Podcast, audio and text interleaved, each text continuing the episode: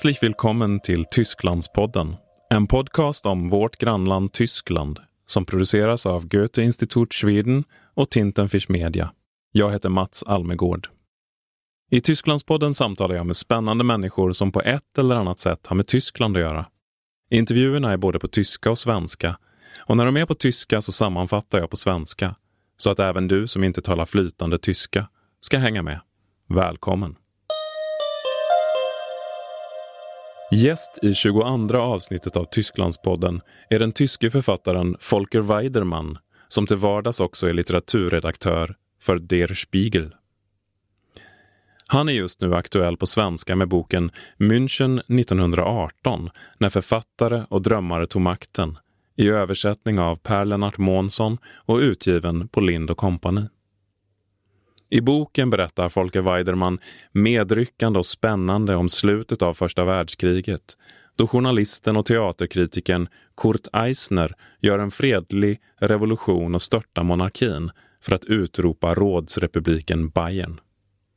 Plötsligt tycks allt möjligt i München och Bayern.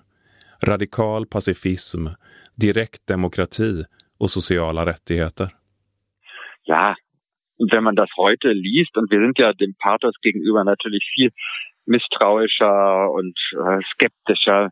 Man kann ja manches davon auch wirklich nicht ganz ernst nehmen oder manches ist ja vieles so übertrieben oder so äh, melodramatisch, äh, dass man sich doch wundert, dass ja doch, dass es am Ende ging es ja doch um wichtige Dinge, äh, dass da so jemand mit so blumiger Rede offenbar einen gewissen Kreis von Menschen zumindest damals wirklich mitreißen konnte. Det är Kurt Eisner som håller ett blommigt eller retoriskt utsmyckat tal och får med sig massorna på Theresienwiese.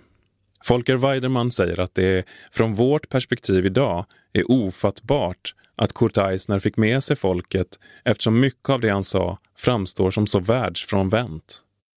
Eisner är alltså en av de drömmare Folke Weidermann skriver om i boken.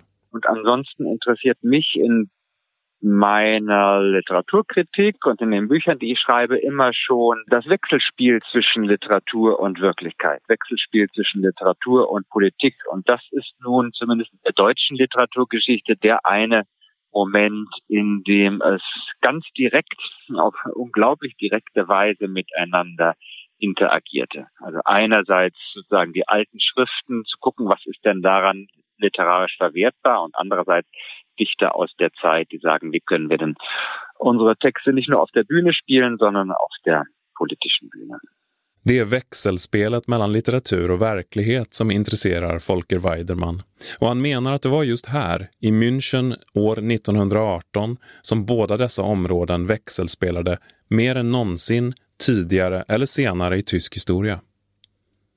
Det här var en tid då diktarna inte bara uppförde sina texter på teatern utan även på den politiska scenen.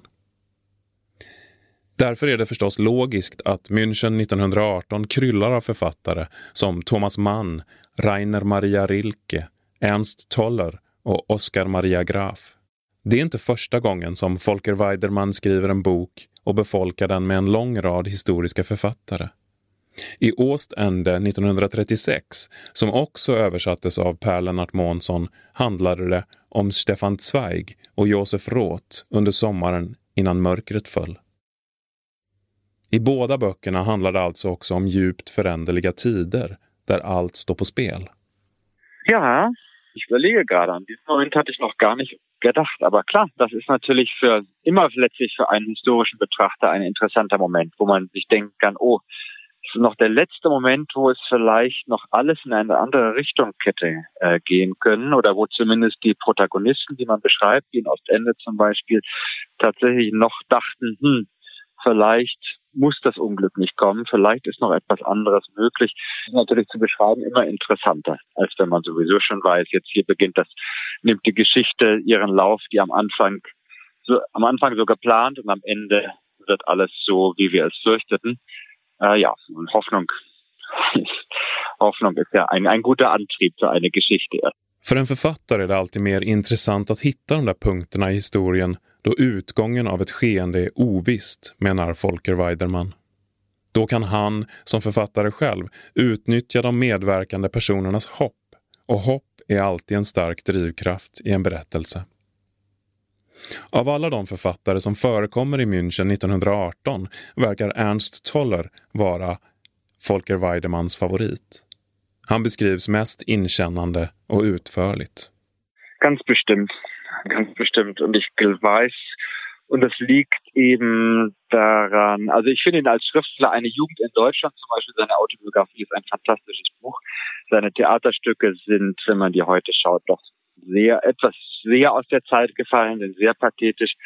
Aber mir gefällt natürlich dieser großartige Glaube an die Menschheit. Mir, mir, gefällt auch, wie er sich da selbst ins Spiel bringt, schon früh bei äh, Kurt Eisner. Und mir, gef mir gefällt sein unglaublicher Aktionismus, die Plakate, die er geschrieben hat, dass er alles selbst gemacht hat. Und das, und am Ende natürlich, dass er schon nach einem oder zwei Tagen als Ministerpräsident von Bayern erkennt, dass das alles alles falsch ist, alles auf ein Unglück hinausläuft und dass er aber nicht mehr zurück konnte. Also er war ja natürlich nicht so blauäugig und so naiv, wie er erst schien. Aber war schon eine sehr moderne, eine sehr moderne Gestalt, aber war dann irgendwann natürlich auch ein Getriebener seines eigenen Enthusiasmus.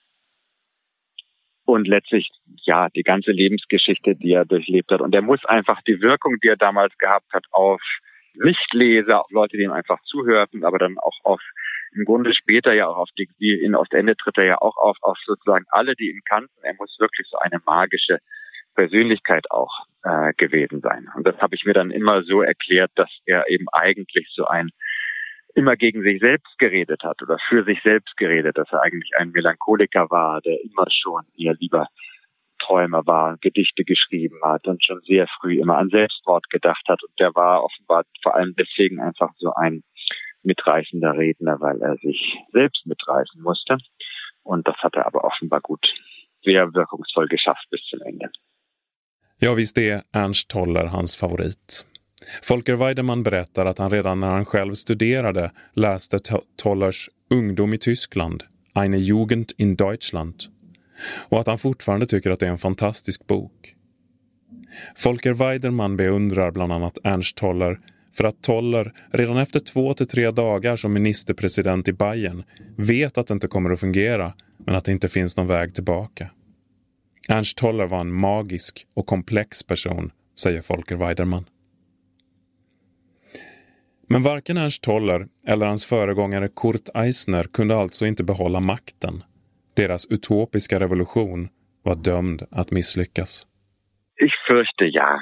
Sie waren einfach zu blauäugig. Sie hatten eben keine Erfahrung. Sie waren eben, wir haben gerade jemand wie Ernst Toller, der dann später an die Macht kam, glaubte tatsächlich in einer Weise offensichtlich an das Gute im Menschen, und zwar an das Gute in jedem Menschen, dass man aus heutiger Sicht natürlich sagen muss, du bist verrückt oder wie wäre es? Man muss, man muss einfach ein bisschen realistischer sein. Man kann eine eine Armee nicht ohne Waffen führen, man kann eine Armee nicht ohne Waffen in den Krieg ziehen lassen. Es war unendlich naiv und natürlich musste es schiefgehen in der Konsequenz. Aber einige von den Ideen, die sie auch später entwickelt haben, einige von den Politikern, wie Gustav Landauer, was die Erziehung anging, oder Silvio Gesell, was die einige Ideen von der Wirtschaftspolitik anging. Also sie hatten ja gute Ideen, aber die waren ja so riesig und so groß und so verrückt und so revolutionär, dass sie ja nicht im Traum glauben konnten, dass man das ohne Waffengewalt, ohne eine starke politische Bewegung im Rücken,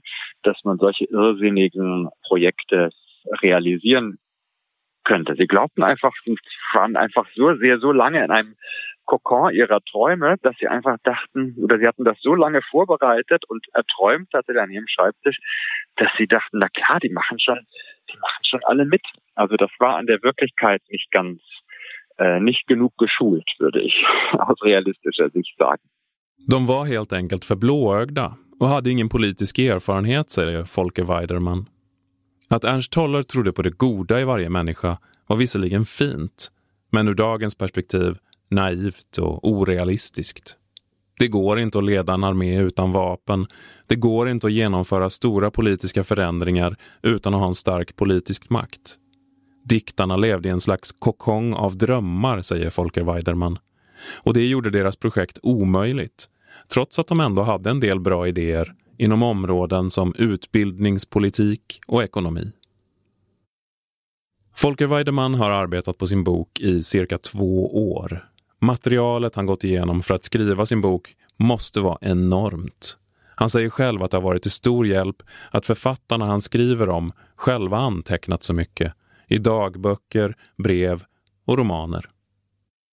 När Folker Weiderman pratar om Thomas Mann kallar han honom min romanfigur. Så jag måste fråga honom, är München 1918 verkligen en roman? Det är inte så jag läst den. Also Thomas Mann habe ich tatsächlich als Romanfigur betrachtet, aber meine Figuren habe ich tatsächlich Romanfiguren betrachtet. Ansonsten sehe ich mein Verfahren tatsächlich so ein bisschen wie eine literaturhistorische Reportage. Und da hatte ich eben dann Glück, dass damals, oder wie bei vielen der Bücher, über die ich schreibe, ist einfach Glück, dass ich Autoren als Protagonisten habe, die die Angewohnheit haben, immer alles mitzuschreiben. Und dadurch habe ich eben sehr viel, äh, sehr viel Live-Material sozusagen gehabt. Also, dass die Menschen wirklich direkt, wow, so ist es genau jetzt. Äh, oder eben wie Ernst Toller, der irgendwie so eine gute Erinnerung hat oder dann so intensiv und bilderreich das in der Nachschau beschreibt, dass es immer noch klingt, als wäre es, als wäre es sozusagen in dem Moment mitgeschrieben. Oder Oskar Maria Graf, auch einer der Helden, die sind einfach, das ist dann Glück, wenn das Material, oder das ist mein großes Glück, dass mein Material dann meistens schon literarisches Material ist. Und dann, das färbt dann etwas ab. Egentligen är München 1918 ett slags litteraturhistoriskt reportage. Men sina personer tänker han ändå på som romanfigurer, berättar han. Och det kanske där i hemligheten ligger i Folker Weidermans böcker eftersom de blir så levande och berättar så mycket om de många personer som förekommer i dem. Men det här med att diktare och drömmare tar makten, med utopiska, stundtals världsfrånvända idéer, är det något vi ändå inte skulle behöva lite mer av idag?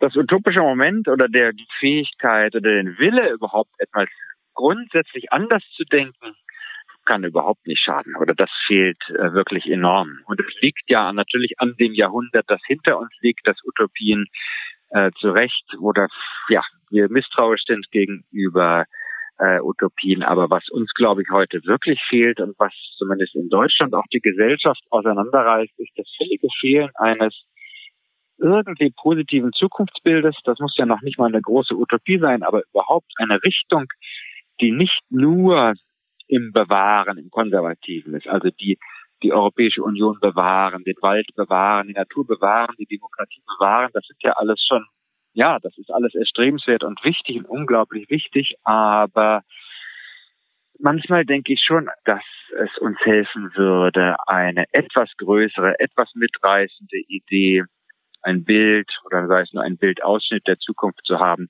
Das würde mir gefallen und ich finde schon, dass es fehlt. Jo, Folke Weiderman saknar det utopiska momentet. Förmågan eller viljan att tänka annorlunda i dagens politik. Han pekar på att det talas så mycket om att bevara saker. Man ska bevara EU, man ska bevara naturen, man ska bevara demokratin. Och allt är förstås viktigt, men han tycker det skulle vara bättre att ha en visionär bild av vad vi ska göra i framtiden. Och med det sätter vi punkt för detta avsnitt av Tysklandspodden. Hoppas att ni njuter av sommaren. Jag heter Mats Almegård och producerar Tysklandspodden för Goethe Institut Schweden.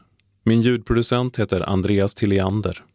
Har du förslag på någon som du vill höra i Tysklandspodden? Mejla info-stockholm snabela goethe.de och berätta om det. Vi hörs snart igen. Auf Wiederhören!